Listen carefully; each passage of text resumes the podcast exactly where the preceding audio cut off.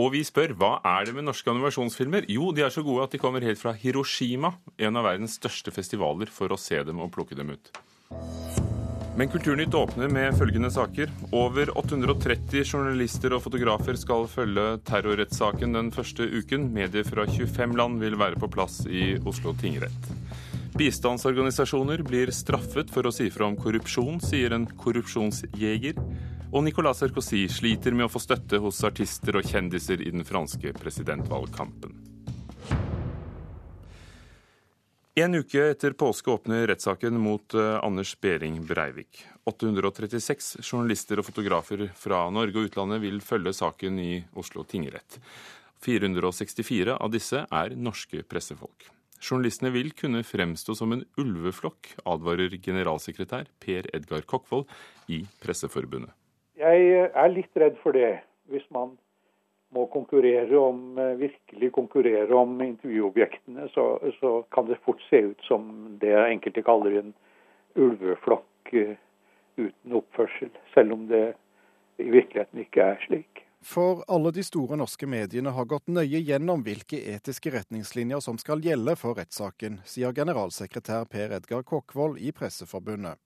Pressen skal gjøre sitt til at det blir en verdig rettssak. Når man snakker om eh, verdighet, at en rettssak skal foregå i verdige former, så forutsetter det også at eh, pressen og mediene har verdige arbeidsforhold. Og det tror jeg faktisk at eh, rettens administratorer har prøvd å få til.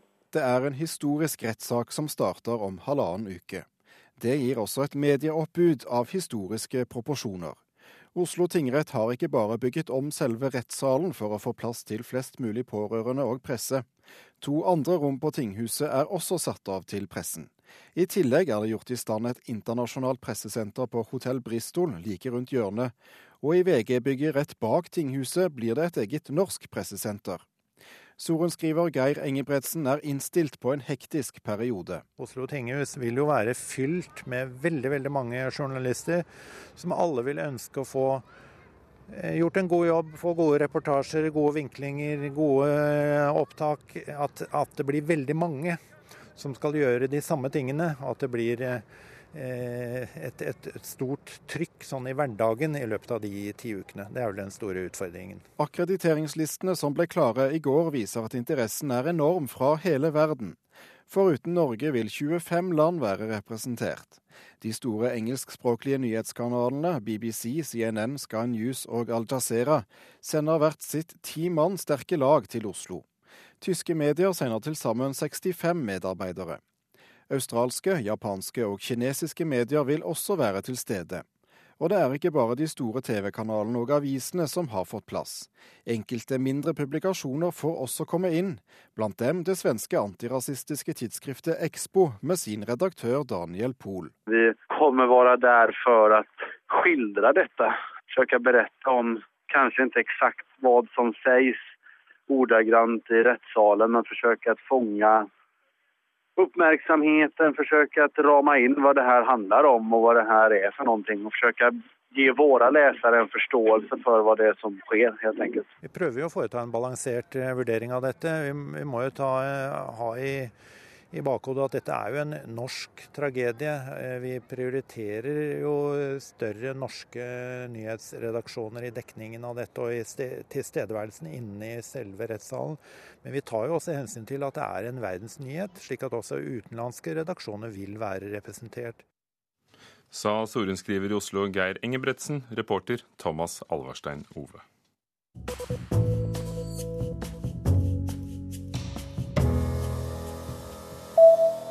Frankrike foreslår en egen nettskatt. Det franske kulturdepartementet vil at eh, nettstedene Google, Facebook og YouTube skal betale en avgift når brukerne ser og hører innhold som er beskyttet av opphavsrett. Det skriver Vårt Land i dag. Den nye skatten skal kompensere for inntektstapet som digitalisering og fildeling har påført kreative næringer. Og Sarkozy, presidenten, kom med forslaget like før han møtte Twitters grunnlegger Jack Dorsey i Paris tidligere i mars. Denne uken blir årets eh, TV-trender presentert på verdens største fjernsynsmesse i Cannes. Etter flere år med fokus på talentkonkurranser vil de store TV-selskapene satse på nære ting. Stikkordene for årets eh, nye programmer er sosialt engasjement, romantikk og nestekjærlighet. Programmer om dating har alltid vært populært, men nå ser vi en oppblomstring av dette, sier Ole Hedemann, som er prosjektleder for det NRK kaller formatutvikling.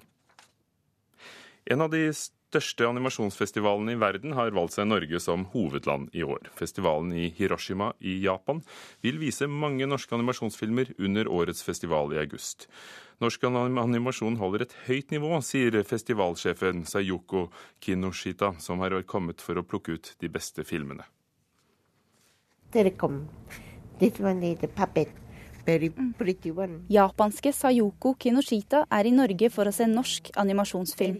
I en kladdebok tegner hun miniatyrbilder og noterer sirlige tegn for å huske de flere hundre norske animasjonsfilmene hun har sett. I like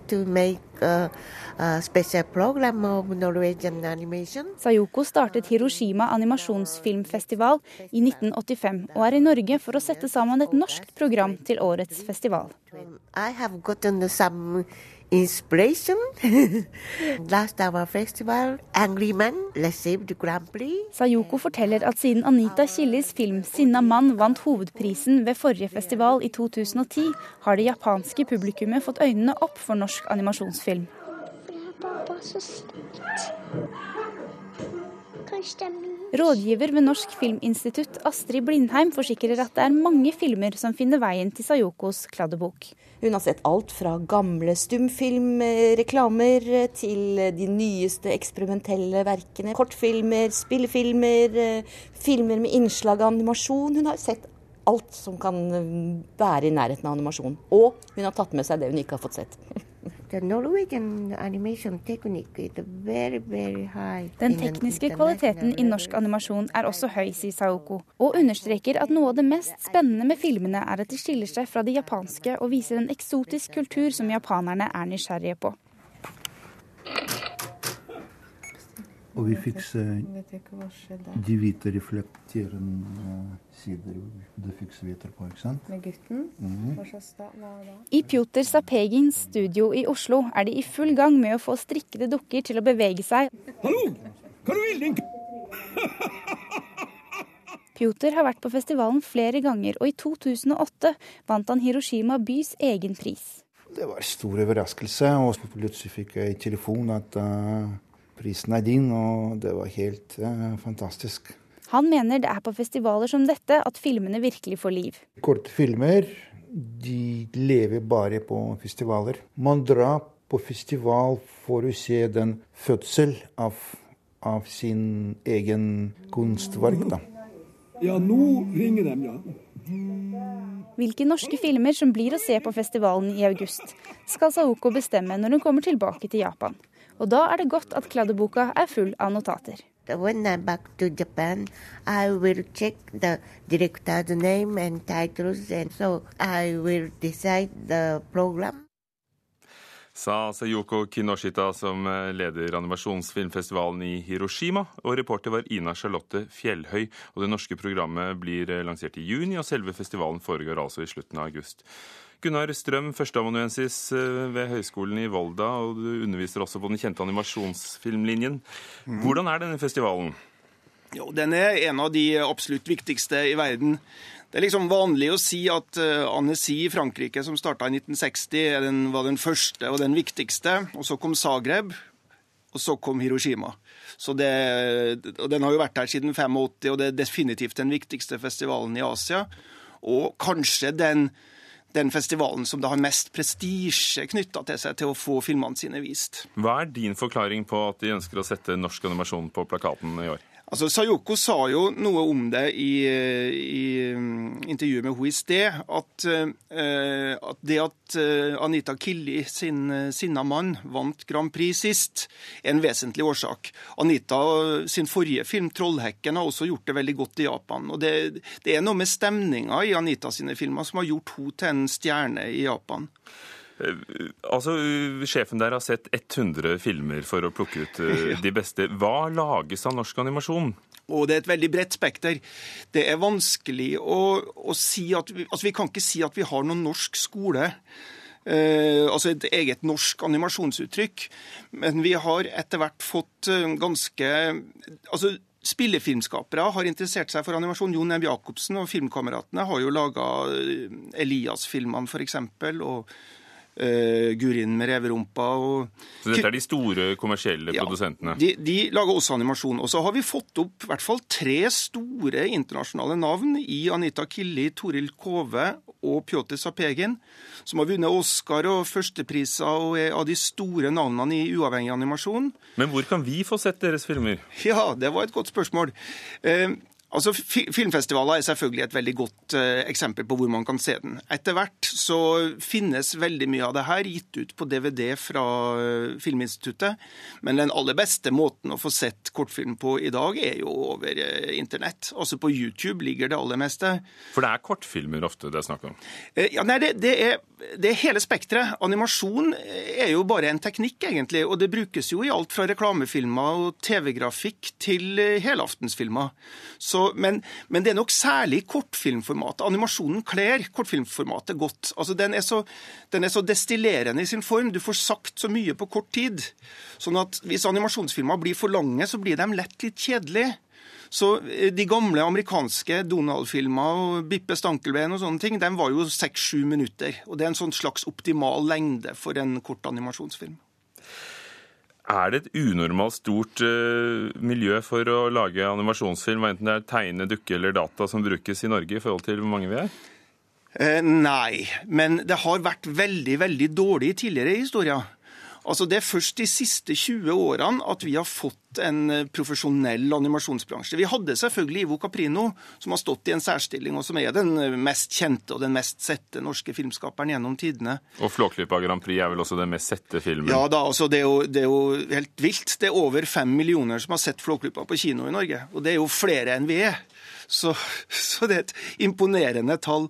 Men, eh, men, før det så har altså norsk animasjon vært prega av folk som har sittet alene og jobba for seg og laga sine små filmer, gjerne på statsstøtte. Men de siste 20 årene så har man gått sammen i studioer, fått et helt annen profesjonell holdning til det hele. Man har fått studioer som jobber kontinuerlig, og som vinner priser internasjonalt. Jeg kan ta et eksempel med, med Peter og ulven, Peter and the Wolf, som egentlig var en engelsk produksjon. Eh, av Susi Templeton, den ble animert i Polen. Men de gikk til Oslo og Storm Studio for å få laga finishen på den. Fordi at det gjør Storm Studio bedre enn de fleste. De har jo også gjort ting som eh, Trolljegeren og Max Manus, og, altså special effects for, for langfilmer. Men det sier noe om hvor profesjonell den norske animasjonsbransjen har blitt. Takk skal du ha, Gunnar Strøm fra Høgskolen i Volda, om eh, norsk eh, animasjon, som altså skal til Japan til høsten. Du hører på Nyhetsmorgen i NRK P2 og Alltid nyheter. Klokken er 18 minutter over åtte, og her er hovedsaken i dag.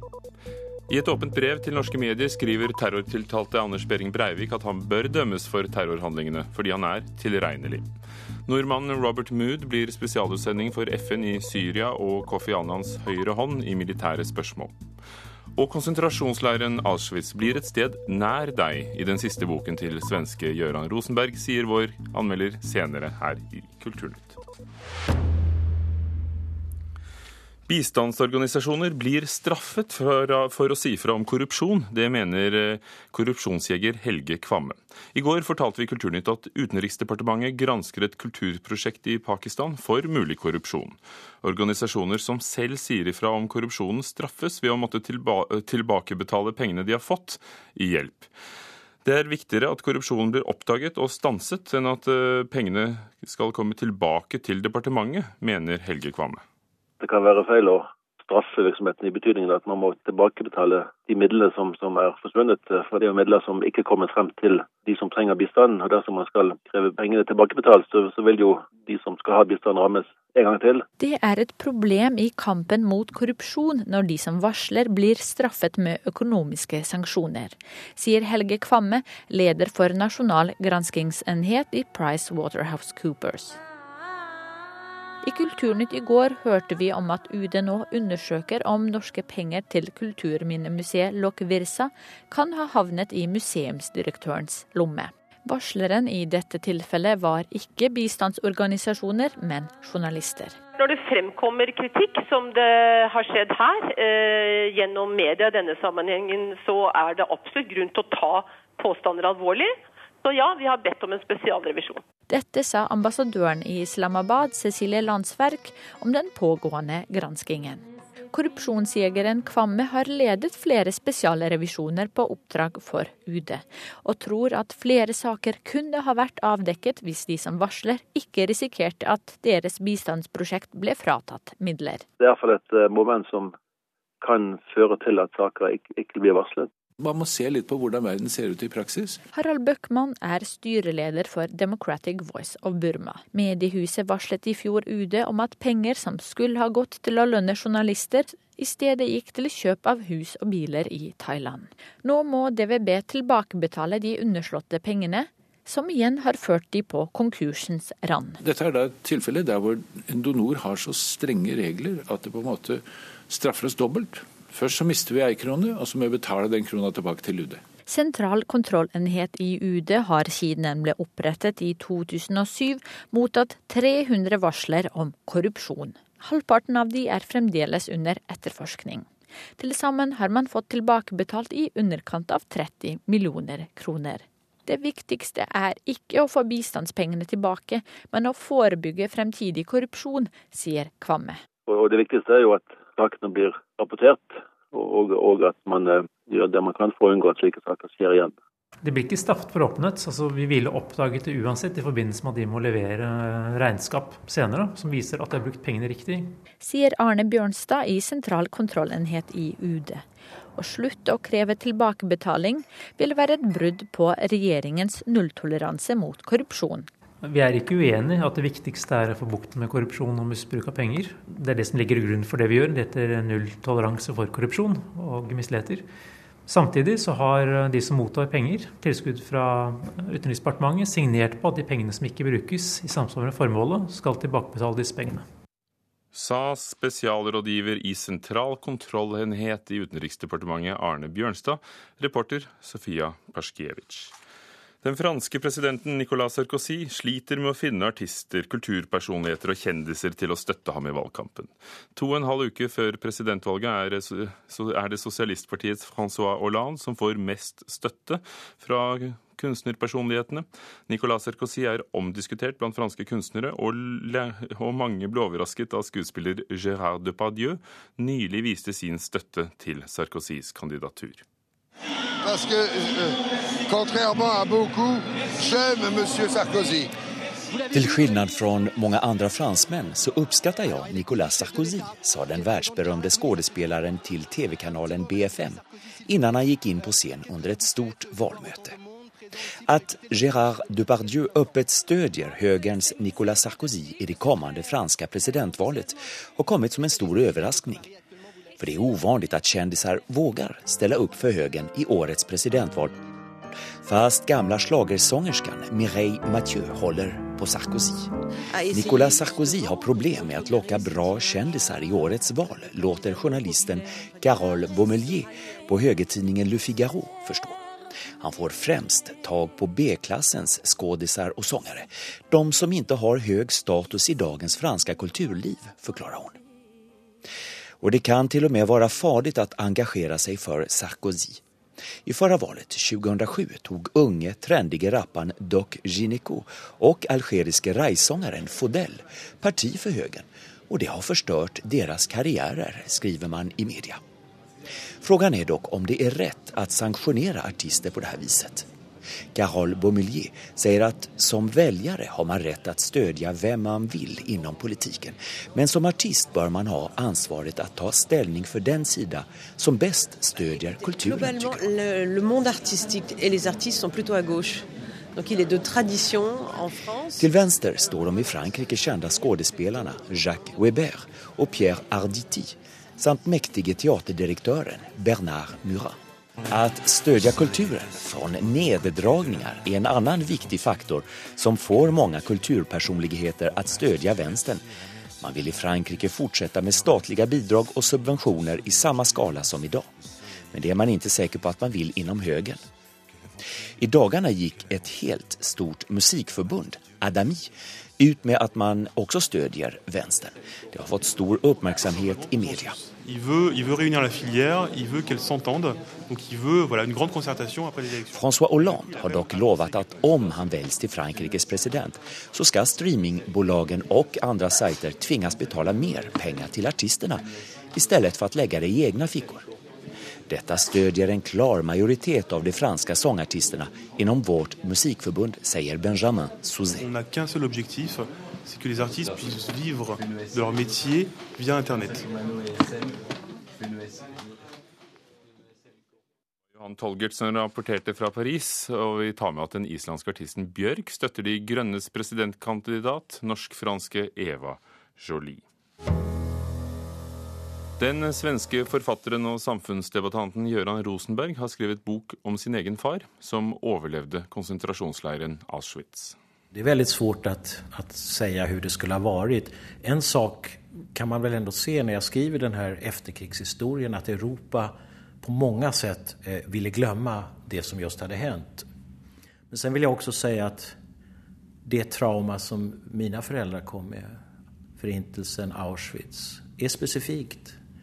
For de finns, fan, hela, utplånades hela deras värld i stort sett. Allting. Jag hade inga farmor, farfar, far. Jag hade ingenting kvar av den gamla världen. Og det hadde jeg ikke, derfor at de hadde ikke det. Og i boken 'Kort opphold på veien fra Auschwitz' nøster Gøran Rosenberg opp foreldrenes historie som endte i tragedie for faren. Det han gjør, sier vår anmelder Knut Hoem, er å plassere Auschwitz som noe som har hendt nær oss. Jeg bruker litt tid på å jobbe meg gjennom de intuitive forbeholdene, eller er det fordommene, mot det jeg innledningsvis tenker er nok en bok om Auschwitz. Jeg leser Primo Levi med misunnelse og innser at jeg aldri kunne skrevet en fortelling som hans, skriver Gøran Rosenberg. Nei vel, hva er poenget da? Poenget er vel at Primo Levi, som i sin tid skrev en av de viktigste vitnemålsskildringene fra Auschwitz, ikke kunne skrevet Gøran Rosenbergs fortelling. Det er bare Rosenberg som har tilgang til historien om en polsk-jødisk overlevende fra gettoen Lodz og Auschwitz, som ti år senere står og bøyer rør på lastebilfabrikken Scania Vabis i Södertälje utenfor Stockholm. Bokens tittel, Kort opphold, henviser til det korte oppholdet faren David Rosenberg og moren Halla hadde i Auschwitz, før de begge på hver sin måte og via mirakuløse tilfeldigheter blir sortert ut av rekken av mennesker som går rett i gasskamrene. Faren ankommer en svensk interneringsleir som opprinnelig ble brukt for å huse norske motstandsfolk under krigen. Det er i den voldsomme kontrasten mellom det i hovedsak lyse og fremtidsoptimistiske Sverige og det Tyskland og det Polen som synker inn i historiens mørke, at Rosenbergs bok henter sin styrke og begrunnelse. Gøran Rosenberg leter i gamle lokalaviser og i gamle brev etter svaret på hvorfor faren ble sinnssyk og druknet seg sommeren 1960, og konkluderer med at det trolig ble for lyst i det nye skandinaviske landet, på den måten at faren ikke kunne leve med kontrasten til det mørket som fantes i den verden han forlot. Å være hjemme er å bli forstått uten å si for mye, skriver Rosenberg i en av mange gode setninger i denne boken, som igjen forklarer farens selvmord som en følge av at han var hjemløs i et land der han ikke kunne vente at samfunnet rundt ham forsto hva han hadde opplevd. Også oppholdet i Sverige ble altså for David Rosenbergs del kort. Kort sagt er Kort opphold blitt en god bok som plasserer Auschwitz som noe som fantes nær oss. Eller som Rosenberg skriver, i bygd etter bygd flyttet Auschwitz inn bak dagligvarekjeden Konsum. Det fantes tilsvarende skjebner i Gerhardsens Norge. Auschwitz bak Konsum kunne like gjerne vært Auschwitz bak Samvirkelaget sa Knut Hoem, som hadde lest 'Kort opphold på veien fra Auschwitz' av Gøran Rosenberg, som er oversatt fra svensk av Håvard Syvertsen. Sonja Hennie, skøyteløpersken, var i sin tid verdens best betalte filmstjerne. I april ville hun fylt 100 år, og det skal handle om henne, skøyteløpingen og kunstsamlingen hennes i Kulturnytt, som du hører i ettermiddag klokken 16.30. I dagens sending har vi hørt at 836 journalister og fotografer kommer til å dekke terrorrettssaken i Oslo tingrett, som åpner 16.4. Og så kan du alltid lese på nrk.no kultur de siste kultursakene. Dette er P2s Nyhetsmorgen. Øystein Heggen er klar med siste nytt. Espen Hansen var teknisk ansvarlig. Halvor Haugen produsent. Og Ugo Fermariello programleder.